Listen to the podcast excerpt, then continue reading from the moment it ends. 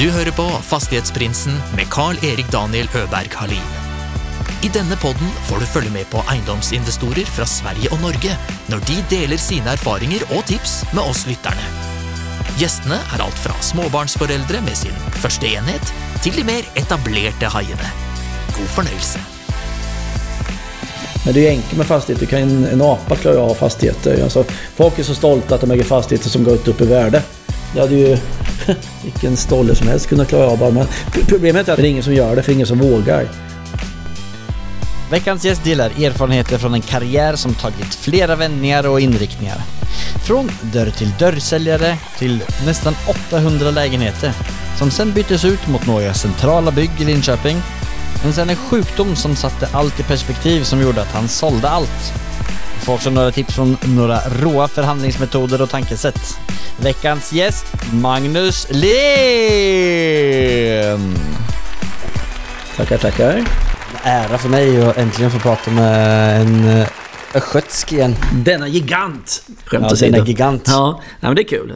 Kul att få snacka med en östgöte med bred, fin dialekt som har ett stort intresse för fastigheter och har gjort massa spännande grejer. Ni som lyssnar nu kommer märka, märka skillnaden här nu när eh, den gamla östgöten här kanske börjar prata östgötska istället för norska i Ja. slutet Ja. av den här timmen. Vi får hoppas på det.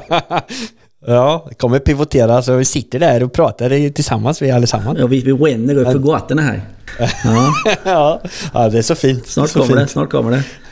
Ja, men tack. Ja. Tack att jag fick den äran också att vara med i ditt, eran podd. Ja, Magnus Lidén, vad, kan du eh, kortfattat beskriva eller berätta lite om eh, vem du är och vad, vad du håller på med? Vad din nisch i fastighetsbranschen för tillfället är? Nej, men jag kan börja som, från början då. Jag är ju, har fyra barn, eh, bor lite utanför Linköping i en by som heter Rimforsa. Vad kan det vara? 20-25 minuter härifrån. Sitter på kontoret i Linköping mest. Ska man säga? I grund och botten så är ju jag en ekonomisk rådgivare. Haft och drivit andra bolag i finansbranschen. Men det slutade jag med för nästan 20 år sedan. Mm. Hållit på med fastigheter kanske i 15 år, någonstans där.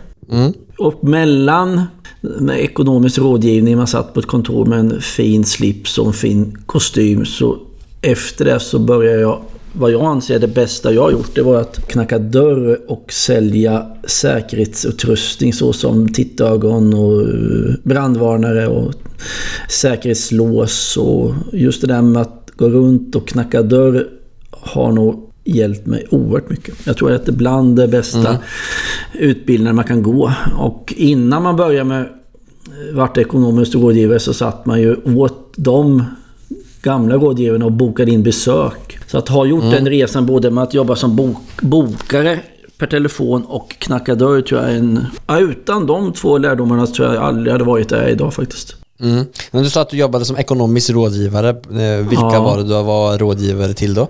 Ja, från början var det på Vasa Försäkring, sen startade vi eget och hade olika ja, rådgivningskontor på olika ställen i Sverige.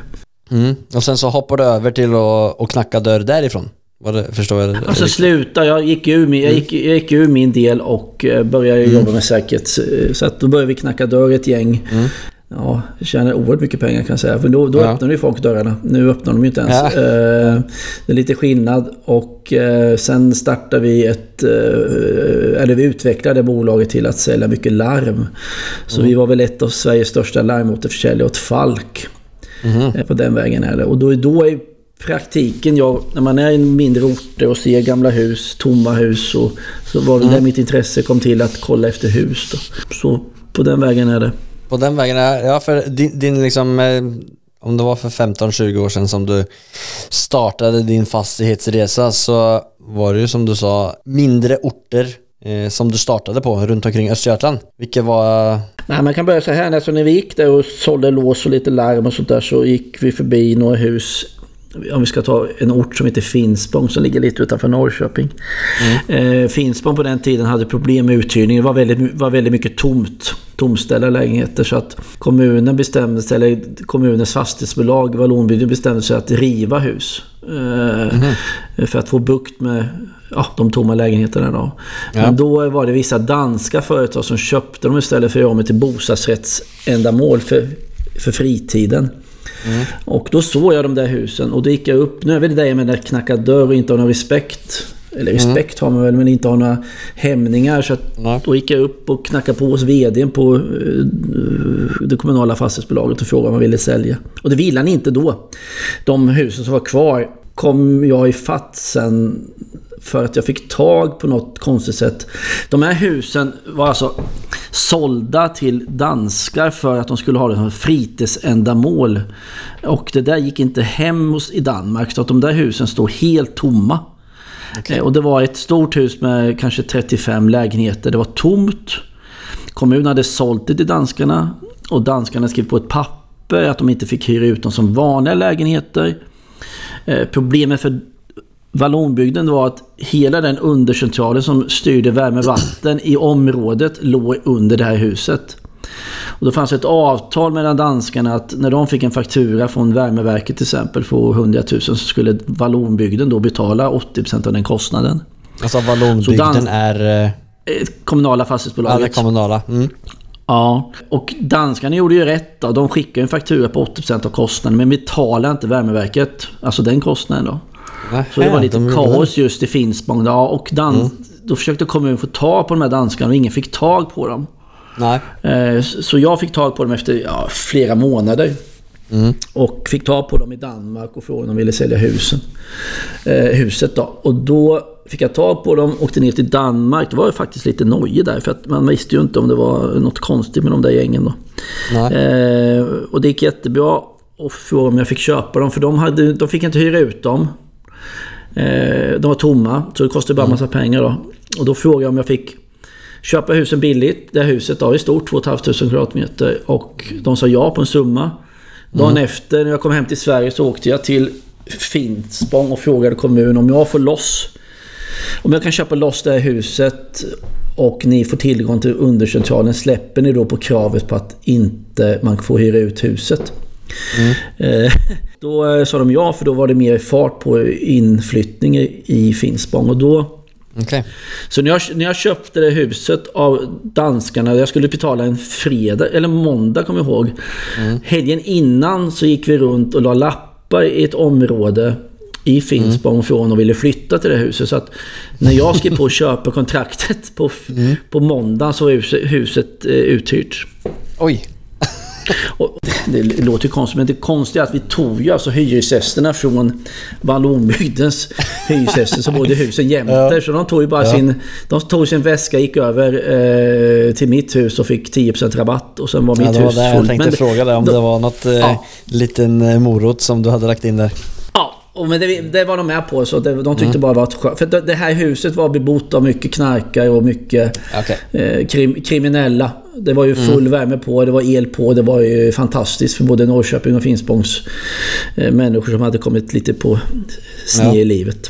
Så det var det första huset jag köpte faktiskt. Mm. Men på den tiden då, hur, eh, så, hur, hur eh, finansierar man ett sånt hus eh, när man inte har något track record som eh, fastighetsägare? Eh, Du har ju, låter ju som att du har drivit några eh, företag så du var väl inte helt okänd eh, hos banken men Ja, men det är ju det som är grejen. Alltså, att, alltså om, jag köper, om jag köpte huset för 10 kronor på måndagen så var det ju värt eh, kanske 100 kronor dagen efter för att det var ju fullt uthyrt. Då, så att Det var ju det var ju där som var liksom startskottet till att kunna mm. komma igång då. Så att jag... Alltså jag kommer ihåg när jag köpte det där så var kanske... Då var, belån, då var ju värdet... Säg 2,5 miljoner kanske huset kostade då. Men eh, dagen efter var det 20 miljoner. ja, det var så Och då var det inte så... Ja, det var en... Ja, men det var en... Alltså köpa ett tomt hus som inte någon ville ha. Fick jag ju billigt av danskarna för det var ett par problem för dem. Eh, Så det var, inga, det var inga så jättestora problem att kunna belåna då. Det var ju då liksom man fick den första farten. Och så var det två hus jämte, det kanske jag inte ska berätta om, men det var två hus jämte som också ägdes av ett danskt bolag. Eh, Och de ville ju... Och det var ett problem att det var mycket knark och vi ville bli av med de där knarkarna. Och de vägrade sälja husen då. Eh, Och då... Det var lite fuling kanske, men då... Jag erbjöd mig att köpa husen, de ville inte sälja, de ville ha dem kvar. Och, men det, mitt hus försörjde det huset med värme och vatten då, och de här två, andra hus då. Så jag ringde Du får klippa det här om du vill. Men det, Ja, då ringde jag vill, jag... det, det låter då, som att jag inte kommer vilja klippa det här. Nej, och då ringde jag till danskarna i november månad. När det började bli kallt. Och sa att antingen så får jag köpa husen så vi får ordning på det, annars stänger jag av vattnet och värmen. och då visste de att fan, stänger han av värmen, varmvatten in i huset så spricker ju allting. Hela, alltså, hela huset blir ju förstört då. Eh, då tog de faktiskt ett flygplan från Danmark till Norrköping. Vi träffades på, Ska, vi träffades på Scandic i, i, i Norrköping och då köpte jag hus. Lite fult, men ändå vart det bra för kommunen. Blev av med knarkare. Um, området vart bra för att det vart bra hyresgäster. Då, då, Ja. då var det väl 54 lägenheter. Något sånt sammanlagt. Ja. Okej. Och jag köpte ett jättebilligt. Ja, det låter som att du köpte det jättebilligt och så... Mm. Eh, jag, jag skriver ner den där eh, esset i rockärmen nästa gång jag ska försöka eh, pressa upp någon eh, mot väggen och, och göra en bra deal. Alltså grejen var när jag åkte ner till Danmark, men då hade man ju sålt massa larm och sånt där till massa motorcykelgäng. Tänkte jag, ah, gud, kan, är det Hells Angels eller, så här, eller Mandidos där nere som har det här huset? Så att, Ja. ja. när jag åkte ner då, de skulle möta upp mig på tågstation då i Danmark. Då kom de i en, en Corvette med cab. Och tänkte, nej jag är körd alltså. Jag är, de, de, de klipper mig här. Så jag hade kontakt med min kompis samtidigt i telefon. Tänkte, ja, de, nu vet du vart jag är någonstans då. Ja. Men de var supertrevliga. Men danskar Ja. är ju danskar. Man får ju tänka, tar man dem i handen så får man ju kolla att inte fingrarna är borta tänkte jag säga. Det är ju Nord, Nordens italienare. Så att man får ju... ehm, Ja men så var det. Så då var det Ja. första liksom steget in i branschen ordentligt. Och när man väl köper hus lite stort som det här ändå var i Finspång så går ju snacket i Finspång. Och då vart jag uppringd av... Jag köpte fler hus i Finspång. Ett, ett, en gammal skola som ABF hyrde. Jag köpte Folkets hus eh, åt kommunen egentligen och köpte andra hus. Och på den tiden var det ju faktiskt lite hus som var i konkurs och man kunde vara med på Kronofogdens budgivning. Då. Ja. Sånt, sånt sker ju inte så mycket idag. Då. Men liksom de här första husen som du köpte, alltså de första, för, det första och de två andra av danskarna. Eh, Det låter ju som att det sattes, eh, alltså att du fick en riktig skjuts på egenkapitalsidan som gjorde att du hade möjlighet till att köpa ganska mycket efter det. Ja men det var det som var grejen. Jag gjorde Mm. jätteklipp, två klipp. Och sen eh, Ja. går ju världen upp. Och, eh, den tiden saknar jag. Den känslan saknar jag. Jag åkte dit på fredag eftermiddagar gjorde vi. Eller jag då. Vi bodde ju en 45 minuter härifrån. Och st- vi stod och grillade vet jag varje fredag. Eller inte varje, men oftast fredagar. Så när folk kom hem från sina jobb så bjöd vi hyresgästerna på grillade korv och hamburgare och sånt där. Då. Mhm, mm. Varför liksom de ska känna att de trivs då. Vi gjorde ett utskick varje månad om ett eh, Lidéns eh, månadsnytt och hälsade hyresgäster välkomna och de fick rabatter i vissa affärer. Vi bjöd på frukost och på den tiden, och är väl fortfarande i vissa områden, kommuner, att man att det är hyresgästens marknad. Att den som sköter sig bäst får hyresgästen. De som kör, sköter man sig inte så sticker hyresgästen. Och det där problemet har vi i hela Sverige tycker jag. Men i, där jag bor i Linköping då, eller Stockholm. Du kan ju köpa ett hyreshus här och behandla huset eh, fullständigt eh, barockt skit. Du hyr ut det där ändå. Och det, det är ju vissa som gör det. Alltså har du en lägenhet i Linköping, Stockholm med jordstampat golv så kan du hyra ut det ändå. Eh, och, och, värdet, och värdet går upp ändå. Så att någonstans måste man liksom se att hyresgäster är våra gäster och sköta därefter. Men vissa gör inte det tyvärr. Men hur är det liksom i eh, Finspång nu då? För du har ju inte kvar de husen om jag har förstått rätt. eh, Nej. Alltså hur ser hyresmarknaden ut och är det det Den är fortfarande? jättebra i Finspång. Nej, men fi, jag, grejen är att jag visste, när jag köpte det här i Finspång, så visste jag genom eh, nätletande att det skulle byggas en ny väg mellan Norrköping och Finspång.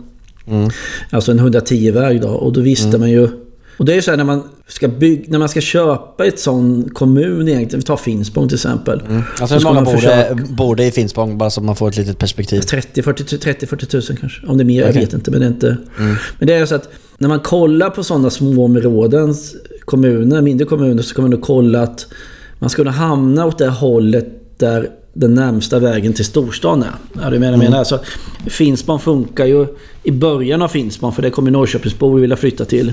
Men går det åt andra hållet så är det lite svårare att hyra ut faktiskt. Men eh, det här var ju din strategi liksom i starten och du fick ju en bra skjuts. Eh, och fortsatte du i samma bana med, man ska kalla det liksom eh, mindre städers med hög yield och köpa eh, lite ruckliga hus eh, som du fixade upp? Nej, egentligen inte. Alltså, sen var det ett, ett fastighetsbestånd till salu utanför Linköping som heter Bestorp, som du känner igen. Mm, det är klart du gör det. Hade mormor eh, sommarstuga? Ja, jättefin idyll med vid sjöar och sånt. Det var väl kanske 40 lägenheter. Och det där låg ute på nätet. På, alltså, det var ingen som köpte. Alltså, det var ingen som bjöd på den tiden. Och där köpte jag då av din bostad. Och din Okej. bostad ägdes då av Erik Selin på Balder. Och den fastighetschefen nu, jag säger inte efternamnet, men den, fastighets, efter- den fastighetschefen Benny fick jag väldigt bra kontakt med. På Balder. Så jag säger mig själv att jag har varit lite Balders städare. De ringde mig ofta när de hade köpt stora fastighetsbestånd eller ett paket med fastigheter.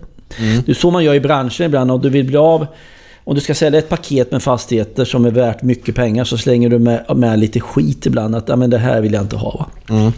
Så då städar jag lite åt om man får kalla det så. Om Benny lyssnar på det så, så får han väl ta det på rätt sätt. Då. Men Ja. då ringde de till mig ibland och sa men nu har vi köpt ett jättestort bestånd här men vi vill inte ha Åtvidaberg. För de, vet knappt, de visste knappt var Åtvidaberg var någonstans. Då köpte jag Åtvidaberg och så ringde de och sa jag vill, ja, vi har köpt här i Vetlanda, utanför Vetlanda vill du ha det här. Eh, och på den där, och då, är, då var det rätt så lätt att köpa faktiskt. Ja. Eh, Funkar det så idag med? som- Finns det städare och... Ja, men de är så stora nu så att jag menar... Ja, men du bara kolla det här. Nu är det ett stort fastighetsbestånd i Stockholm till salu som Heimstaden vill sälja. Okej. Ja, jättestort. Och de har ju slängt med någonting lite så här... Ja, lite mindre som, som kanske inte den stora fastighetsägaren egentligen vill ha då. För man, eh, men menar just clean städare vet jag 17 och det finns. Men, eh, ja, men så att den, eh, jag uppskattar, jag tror inte, jag vet inte om Erik har jag pratat med några gånger, men jag tror inte han kanske visste om det. Men att jag, jag köpte lite rätt så mycket av Benny då, som ändå skötte allting då. Vi hade väldigt förtroende för varandra då. Så att då vart det mycket. Men så köpte jag på mig mycket av... Men nu får du tänka till lite här. Det, det är ju liksom 10-15 år sedan. Och när jag, när jag ville köpa till exempel av kommunala fastighetsbolaget i Kisa. Så var det, det var ingen som bjöd på den tiden. Alltså jag var själv. Det var jättekonstigt. Och tänker man på det hur det är nu så är det ju jättekonstigt vilken skillnad det är. Ja, verkligen. Ja, Så jag köpte på mig rätt så mycket Ja, faktiskt. Så mest hade jag väl kanske 700-800 lägenheter runt i Östergötland och Småland. Oj, så pass? Ja. Och jag städade alla trapphus varje dag. Själv. Nej, vars gjorde jag inte alls det. Nej, men det var. Det, men då, men då, på den tiden hade jag kanske 10-15 vaktmästare på heltid och två, en till två städare. Så det var ju mycket. Och när man köper mycket utekring, det är mycket väggar, mycket fasader, mycket tak, det är mycket fönster, det är mycket kylar. Det är mycket, mycket, mycket, mycket, mycket, mycket. Alltså, för, för det där är ju en sak som, det du är inne på där, det är eh, mycket golv och mycket fasader och mycket tak och det krävs extra många vaktmästare. För du säger ju, du hade det som mest 700-800 lägenheter men det har du inte längre för du, jag har ju förstått att du har sålt av det. Du fick en möjlighet att, att köpa upp några ganska, eller väldigt fina centrala byggnader i Linköping och kanske någon annanstans också. Och det där är ju någonting som jag har sett hos många som har startat på det sättet som du har gjort. Att man mm startar med sådana här högt avkastande lägenheter i mindre orter. Eh, och det kanske är den vägen som det är enklast att starta med. Men sen så hoppar man gärna över till de lite mer centrala grejerna. Hur, hur, kom, liksom, hur gick dina tankar och varför gjorde du det? Nej, men jag har hyrt ett kontor i Linköping city och en, en fastighetsfamilj här. Eh, och han ringde mig för, säg att det är fem år sedan. Eh, en gammal fin familj. Eh, fastighetsfamilj i stan. Och då eh, frågade han om jag ville köpa ja, de två bästa kvarteren i Linköping city. Vi, vi, alltså på en gågata mellan två torg. Det är apotek och det är 7-Eleven och Pressbyrån Express House och alla de där då. Och tänkte jag så här, vad f- 17 ska jag göra nu då? Och då sa jag till honom, ja, men jag kan gärna köpa dem. Eh, Det tog nog ett år, framförallt för honom att liksom landa i att han ska sälja de här då. Eh, Och han ville nog att jag skulle ta de här för att, så att det inte bara blev stora, stora jättegiganter som äger inne i stan då. Eh, Och då sa jag det, men jag måste sälja mina hus först. Och då fick jag ett år på mig att sälja mina hus. Så vi skrev köpekontrakt och vi skulle tillträda efter ett, sta- ett, efter ett, eller ett halvår, ett år då. Och då sålde jag av allting. Då gick det, alltså när jag köpte var det ingen som bjöd, när jag sålde var det faktiskt budgivning då. Så jag köpte två, nästan 10 000 kvadratmeter mitt i centrala Linköping. Så att eh, från början kanske det var, jag vet inte om det var 30 000 kvadratmeter, men det var ju skil, Det är ju det som, är, som vi pratar om, väggar, tak och trapphus och allting. Så att det är ju... Ja, det är ju mindre arealer, are- arealer men det är ju mindre kontantström eh, in på sådana hus. Hur, hur liksom tänker man då, eller hur tänker du då i förhållande till, rä, räknar du med en förväntad värdeökning? Eh, och att Nej, intäkterna... nej, nej. Jag, jag känner bara att jag är alltså uppväxt med en ensamstående mamma och lillebror och storebror. Mm. Alltså jag tyckte så här, som jag sa till innan, att den känslan när jag åkte till Finspång och såg mina hus som jag ägde, som är stora hus. Alltså så stolt och så skön känsla har jag aldrig haft. Jag letar efter den känslan fortfarande. Men då kände jag så här, nej men köpa de finaste husen i Linköping, då har jag lyckats, kände jag. Men den känslan fick aldrig jag. Alltså, eh, på något konstigt sätt då. Eh, Så att jag hade ingen baktanke att det här ska gå upp i värde eller något sånt där. Men det, däremot så var jag extremt trött på personal. Alltså Ja. de, så det, det, det slutade med att min storbror Anders som är fastighetschef nu, han var den enda som var kvar.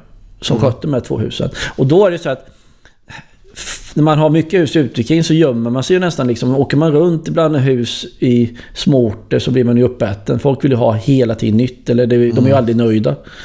Eh, och då gömde man sig. Här, här gick vi omkring och frågade eh, apoteket, behöver, behöver ni hjälp med någonting? Så att vi ju, och det hade förra ägaren gjort ett extremt fint jobb också då. Så att de ägde jag i, ja, i fyra år ägde de. Tills jag sålde dem för ett år sedan. Okej, så du har sålt de eh, centrala fastigheterna? Men så här var det att jag, nej men så här, om vi ska tala lite personligt då, det är att jag har haft godartade, alltså inte farliga tumörer, två stycken. En på sidan i halsen, en i nacken. Eh, och då skulle de fick, och sen började jag få svårt att gå. Eh, och då tänkte Okej. de, nu, kirurgen, nu måste vi ta bort den där i nacken. En tuff operation. Jag fick en sån här st- fast krage i nacken, i halsen i två månader. Och det var väl inget... Jag varit stelopererad, men det var inget konstigt med det. Men så fick jag en extremt stark infektion i, i nacken. Och då var det precis under pandemin och då var det tjafs med att inte hyresgästerna ville betala hyra och de klagade på kommunen, de klagade på staten, de klagade på mig. Det var tjafs. Eh, och då satt jag en fredagkväll, rätt så rätt så påverkad av morfin. Ja. Och, och kände, det var en fredagkväll.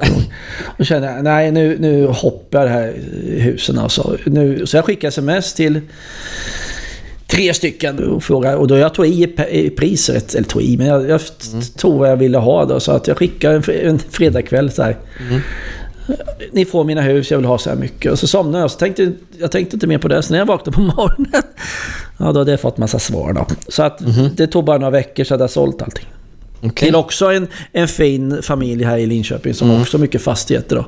Jag hade nog kunnat gått ut med att, eh, på budgivning då men eh, jag kände att nej men det är snabb affär. Eh, De vet vilka hus det är. Inga, eh, inga klagomål på att de ska försöka få ner priset på grund av att fasaden är gul fast de trodde att den var brun och sånt där. va. Eh, Så, så det sålde jag för ett år sedan. Okej. Och sen gick, sen gick jag hemma ett år och tänkte fan vad skönt det här är.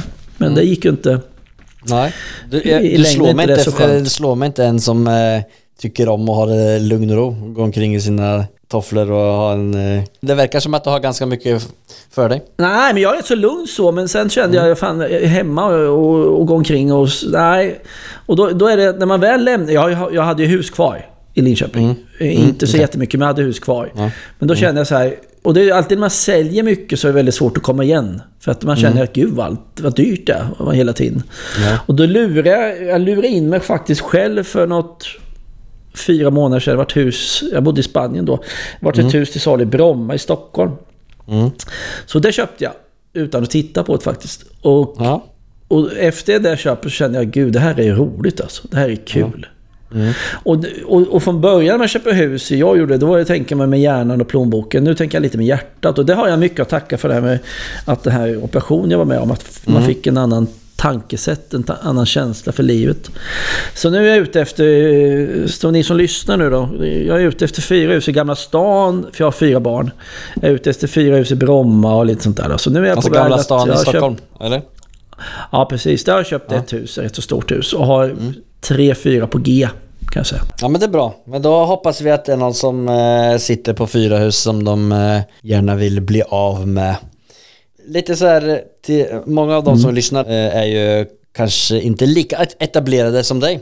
Eh, och vissa av, av oss har ju inte kommit igång helt med eh, sina investeringar. Så om du var i, helt ny, men du sitter med den kunskapen som du har idag. Du har 500 000 eh, i fickan och eh, vill hoppa in i fastighetsbranschen. Vad hade du gjort då? Nej, men det är det så att om, det, om man delar upp Sverige i olika delar, så att om du har 500 000 kommer jag, du kommer jag aldrig köpa hus i Stockholm, eller Linköping, eller Norrköping. Det går ju inte. Någonstans måste du börja. Eh, och då kan man, liksom, och då kan man tänka så här, men Motala, nej det är nog för styrt och för stort. Men om du börjar lite längre bort, eh, alltså småorter som ändå går att hyra ut, så räknar du ju hem det. Och du kan räkna hem det med att, med, eh, alltså många kör ju förr i tiden mycket med reverser. Alltså om du, om du har, säg att du har en miljon säger vi, som ett exempel. Och så vill du köpa ett hus i eh, en mindre ort i, Stock, i, i Sverige. Med kanske 10 000 invånare. Så, och de har svårt att sälja huset. Men det är väldigt bra flöden, alltså bra hyror.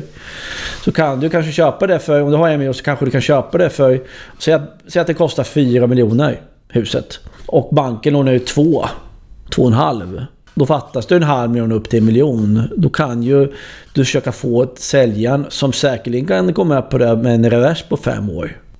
Och kontentan blir ju att den vinsten du gör på huset per år kan du betala reversen med. Så i praktiken så betalar ju fastigheten din egen kontantinsats. Och, och det där går ju att räkna ut. Vart ska man hamna? Vilken storlek på stad och hur, vad är priserna? För att kunna lösa en sån sak. Och då kan man ju börja från Stockholm. Till slut kanske man hamnar i... Finspång? Ja, inte ens Finspång. Det är för stort. Det är för dyrt. men det måste bli mindre orter. Eh, och, då, och då blir det kanske orter som inte har den här naturliga eh, avfarten från en storstad. Ja, ja. Men så det är, en, en, liksom, eh, det är den vägen som du tänker att du hade startat. Det är lite i samma stil som du själv startade. Ja, men så har jag gjort också själv. Men jag, jag har gjort reverser åt båda hållen. Jag har både haft reverser när jag köpt och sålt reverser. Eller sålt hus med reverser. Eh, Men det måste ju, man måste ju kunna räkna hem det och det är inte så svårt. Alltså det, man vet Ja. ju vad räntan är, man vet vad amorteringen är. Och då kan man liksom prata med banken kanske att men kan vi inte strunta i amorteringen på 2-2,5% de första fem åren för ni ska hålla på med revers då. Och sen är ju frågan liksom, vill man vara öppen och ärlig mot, mot banken och säga att det är revers, ja då får man ju ta en ställning till själv vilken kontakt man har med banken. Då. Men ibland, ibland kanske man inte måste överinformera allting. Nej. Så, så hade det nog börjat i alla fall. För då blir det ju så att du, du, alltså du, du får ju en... Alltså, som jag säger, hyrorna betalar din eget kont- en del av din kontantinsats. Men du, du hade valt den vägen, du hade inte ingått ett partnerskap. Nej. Nej. Jag, jag kan gärna köra ihop med någon som jag känner väl eller inte väl ett projekt som ska säljas om ett eller två. Men äga något ihop. Funkar jättebra när det går bra men det är väldigt jobbigt när det går dåligt. Aldrig i mitt liv. Men det är min. Jag kommer ju aldrig...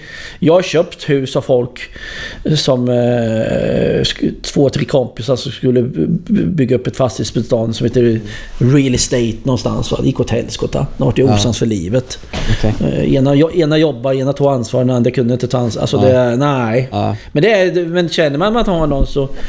Ska du hitta en kompanjon ska du hitta någon eh, som kan gå in med kapital istället. tror jag. Att ha en sån... Alltså så- att, en att det blir som ett utlån och man är väldigt tydlig med Ja. vilka typ av eh, förpliktelser du har och vilka förpliktelser jag har.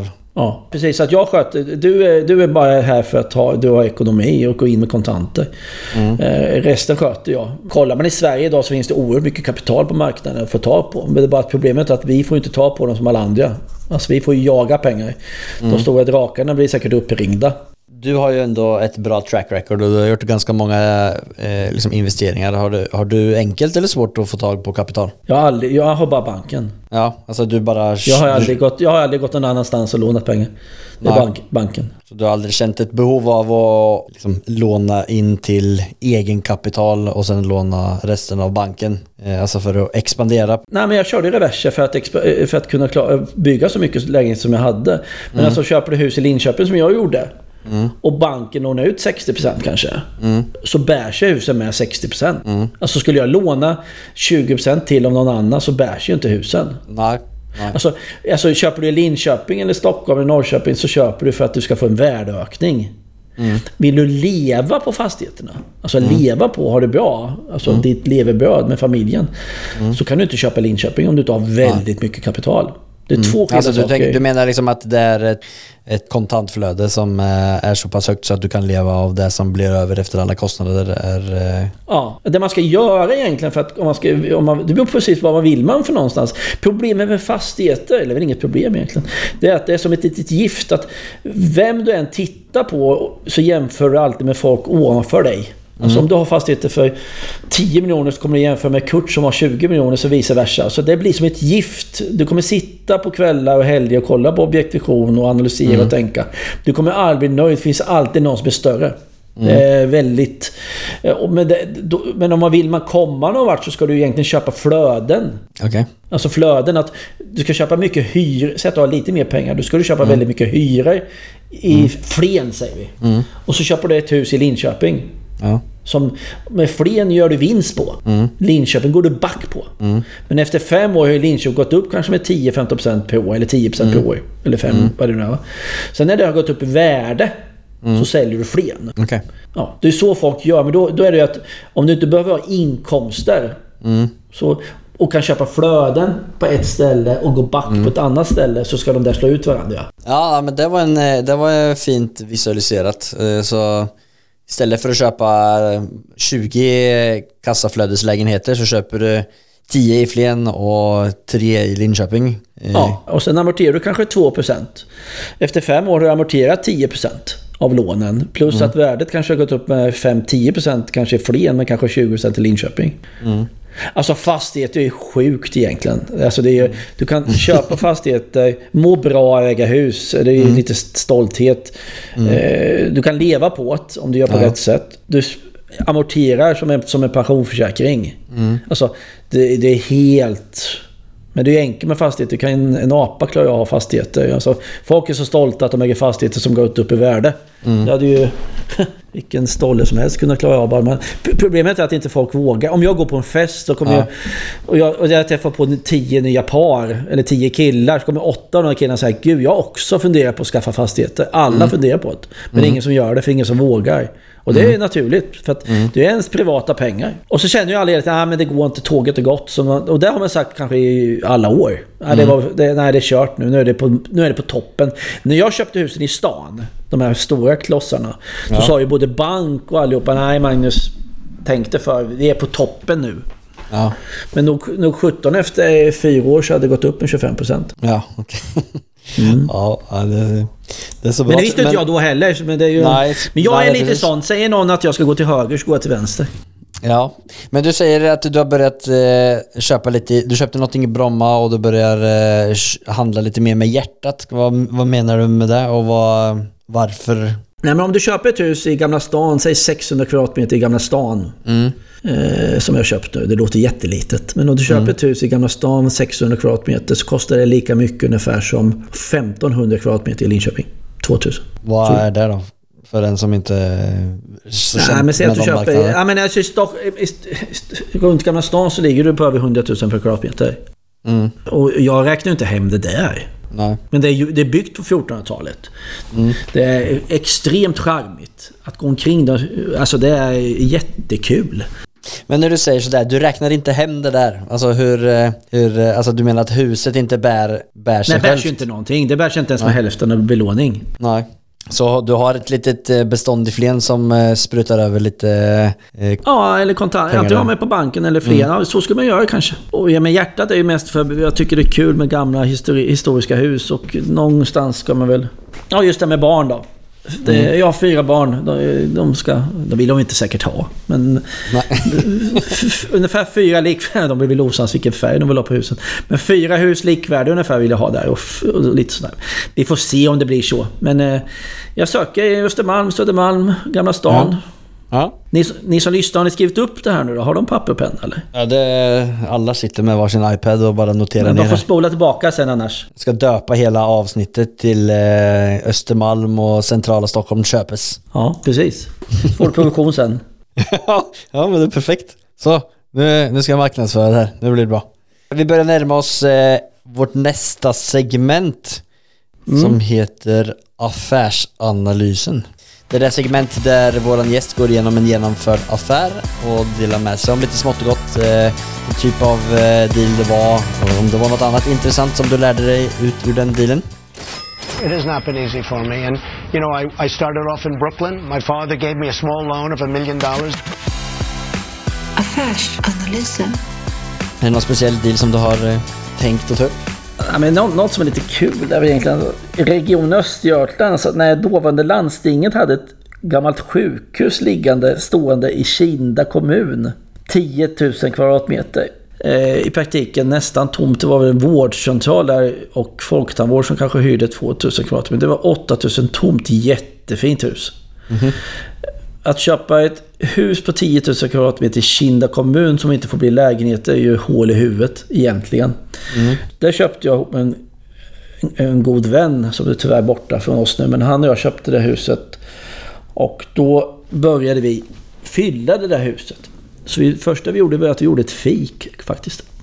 Och det drog sig till så att till slut så hade vi gjort ett trygghetsboende. Fyra lägenheter. Vi hyrde ut. Trygghetsboende är alltså... Du är för pigg egentligen för att hamna på ett särskilt boende och för, för, nästan för pigg och, eller för gammal för att vara hemma. Någonstans mellanting där.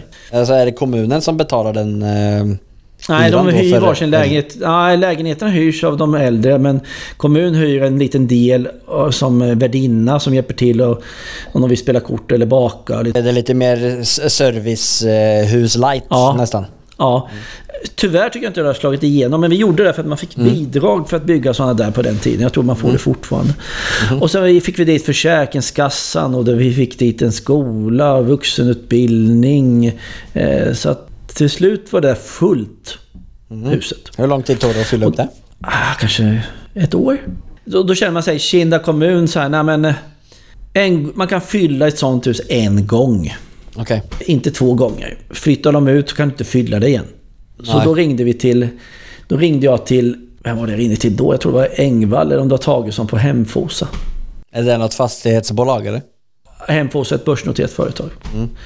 Eh, Jättefint faktiskt. Mycket samhällsfastigheter. Och det är, ju- det är sånt där jag gillar. Jag ringer ju bara upp. Jag skiter i om de tycker att jag är dum i huvudet. Men, så att de köpte det faktiskt. Som en samhällsfastighet. Och nu är det... Det där var väl 7-8 år sedan. Nu är det nästan tomt igen. Så jag får se om jag köper tillbaka det. Nej men skämt åsido. Men då, det, var, det var en rolig affär faktiskt. Var det. Vad var det du köpte det för och vad var det du sålde det för? Jag tror att vi köpte ett för... eh, 3,5 miljoner. Och sålde det kanske för 25-30 miljoner. Hur mycket hade du lagt in i det? I eh, renoveringskostnader? Tillpassningar? Ett par, par miljoner kanske. Mer är det inte. Ganska bra på att göra sådana där klipp låter det som. Ja, då, då är det antingen är jag bli gammal eller, eh, och, och verkligheten är likadan, men jag tror inte det är samma sak nu.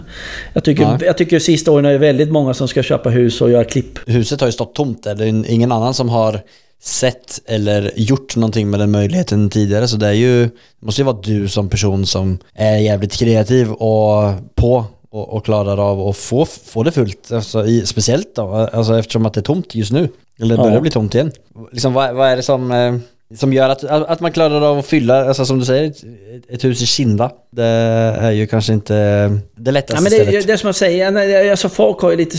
Folk, jag vet inte om vi är svensk det där. att Man liksom är lite rädd eller vill inte störa vissa människor. Att, att man kan ju bara få ett nej. Alltså ringa till mig, vux- alltså få in de här hyresgästerna som vi fick in. Ja, men de kanske inte blir uppringda på det sättet som vi gör. Nej. Jag har inga problem. Om jag skulle vilja ringa till kungen så gör jag det. Skit i fullständigt. Han får väl lägga på luren då. Vad är det som kan hända? Eh, Och den där respekten tror jag liksom många lever med i Sverige. Eller i världen kanske. Och det, man ska väl ha respekt, men men vad är problemet egentligen?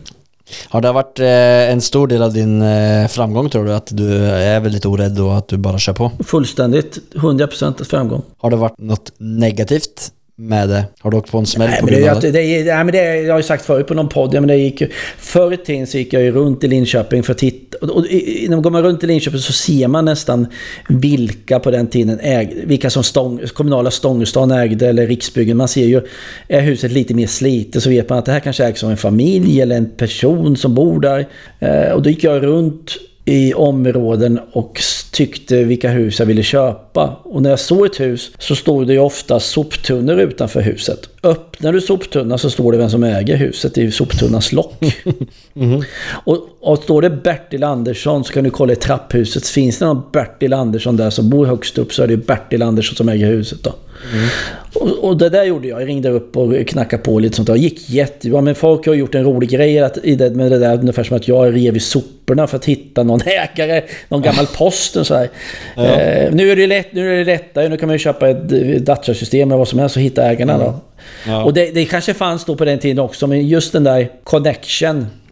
Tror jag är viktig.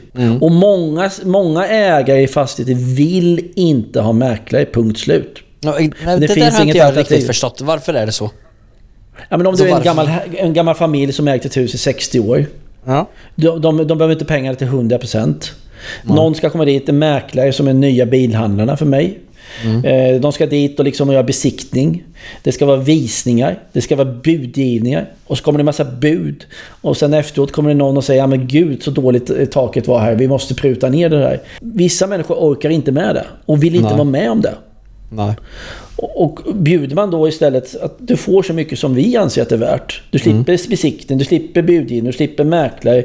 De tar det. Men du måste hitta den personen. Och hittar du den personen, ja, knacka, knacka dörr då. Ja, då gör man ett klipp. Ja, men det krävs ju att lägga ner lite extra eh, effort i att finna de goda dealarna, helt klart. Ja, men det var superbra tips. Eh, vi springer vidare till vårt nästa segment som heter Fyra frågor. Det är de samma fyra frågorna som vi ställer våran gäst.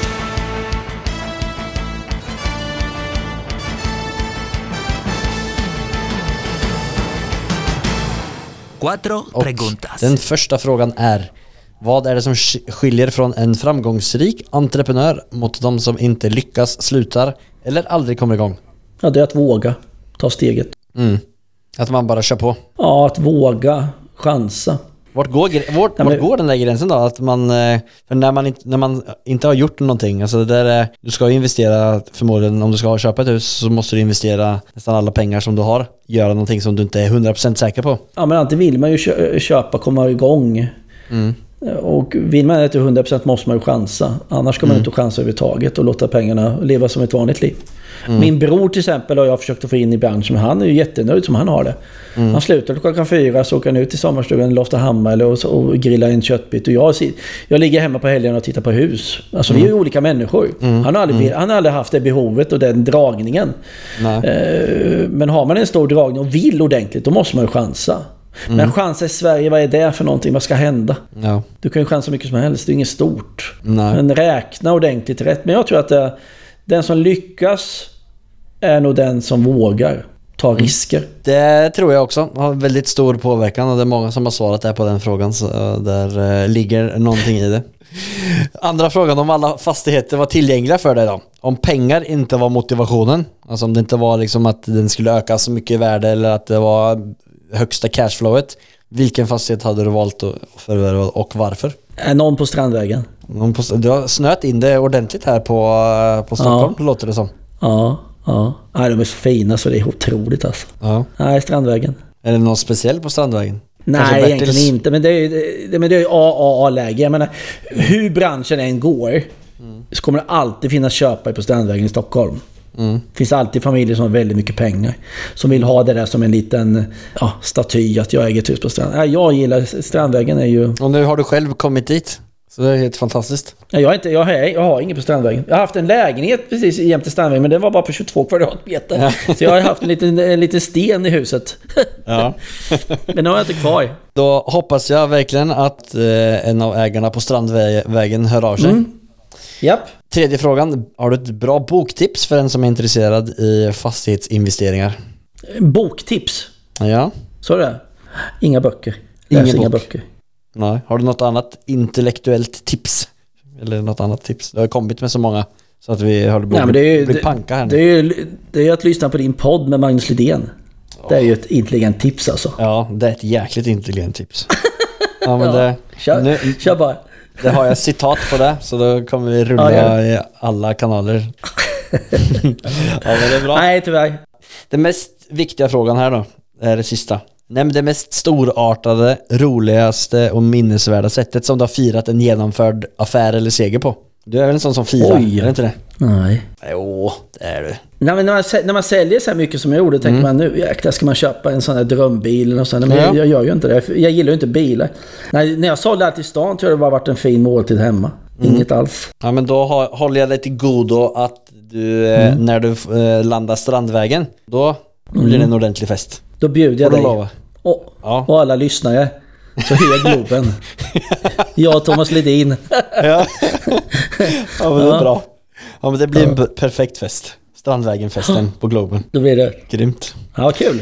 Ja, ja men då ser vi fram emot det. Så innan vi rundar av här nu, är det någon eh, speciell person som du vill komma i kontakt med eller eh, något företag eller? Eh, Nej. är väl några speciella deals har du ju outat eh, här. Eh, du vill köpa allt av de finaste gatorna i Stockholm. Ja, jag betalar väldigt bra och lite mindre. Det är min filosofi. Vad sa du? Du Nej, betalar? skämt. Väldigt bra men lite mindre. Nej, men skämt åsido. Men det är ju... De får gärna höra av sig. Ja. Och är det någon som vill ha tips får de också höra av sig. Hur kommer man eh, på bästa sätt i, kontakt med dig då? Nej, det är mail. Mail är det ju. Ja. Ska vi länka den i beskrivningen på podcasten? då? Ja, det kan du göra. Gör det länka mailen då kan du göra. ja. Vill du säga den för de som är lite lata? Ja, det är enkelt. Magnus snabel-a Liden fastigheter.se. Liden fastigheter.se ett ord. Ja men jättebra. Eh, har du något sista tips till alla nya investerare? Ja, räkna ordentligt. Alltså nu märker man hur räntan sticker upp här lite och vi kanske kommer till ett normalläge, men räkna ordentligt. Jag har ju alltid velat föreslagit min bank ett, ett, ett litet upplägg som gör att Säg att räntan är... Säg att jag kan räkna hem ett hus med 4% i banken. Mm. Med andra ord 2% ränta och 2% amortering. Så jag, har jag velat att banken ska ha ett sånt koncept som är 4%. Men om räntan går ner till upp till 3% så vill jag att det systemet ska göra så att du amorterar bara 1%. Okej. Går, ränta, går räntan upp till 4% så är det 0% amortering. Går räntan ner på 1% så är det 3% amortering. För att om, om de har ett sånt system med bank att man liksom är van att kunna räkna på x procent om det är 3 eller 4% så är det lättare att räkna hem saker och ting. Det jobbiga nu om räntan sticker upp till 3% och så vill ändå banken ha 2-3% amortering så faller man lite på grund av sin amortering. Så Men den är det- bank, om det är, någon, är det någon bank som lyssnar nu så tycker jag man ska ta. Jag tror att många, många fastighetsbolag skulle gilla det upplägget. Att man, är, man vet att det inte kommer... Bankens... Pengarna som går till banken kommer aldrig stiga över 4%.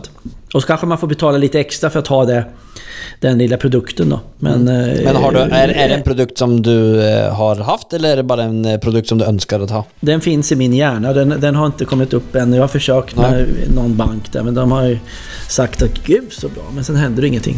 Så att, Nej, du, ska ju på en, eh, du ska ju på en invigning Jag ska här ju på nu. invigningen på en bank här. Ja, precis. Ska jag ta upp det. Perfekt. Här har du Mm. eh, er nästa storprodukt. Absolut. Spännande. Då ska vi pröva att pitcha det. Tack så jättemycket Magnus för att Tack du själv. ställde upp. Och det var jäkligt kul att snacka med dig. Och nästa gång jag kommer till Linköping så ska jag kn- knacka på eh, och bjuda ut dig på en middag. Absolut. Jättekul att pratas. Ja, tack så Öns- mycket. det alla, bra. önskar alla en god, god och trevlig sommar. Ja men det är fint. Tack så mycket. Ha det bra. Jag med. Hej då. Tack. Hej då. Ja, så glad man blir. Höra lite dialekt från min hemstad Linköping. Inte minst glad av energin till Magnus. En stor punkt jag tar med mig efter reflektionen av samtalet är att han är så handlingskraftig. Det går så fort, snabba beslut. Överlag så tror jag att det är det och Magnus ärlighet som gör han till en grym entreprenör som han är. Tillägg så vet jag ju vem jag ska ringa nästa gång jag behöver tips med att övertyga en säljare. Men nu måste jag passa på att duscha. Man vet aldrig när Magnus stänger av värmen eller vattnet. Ha det!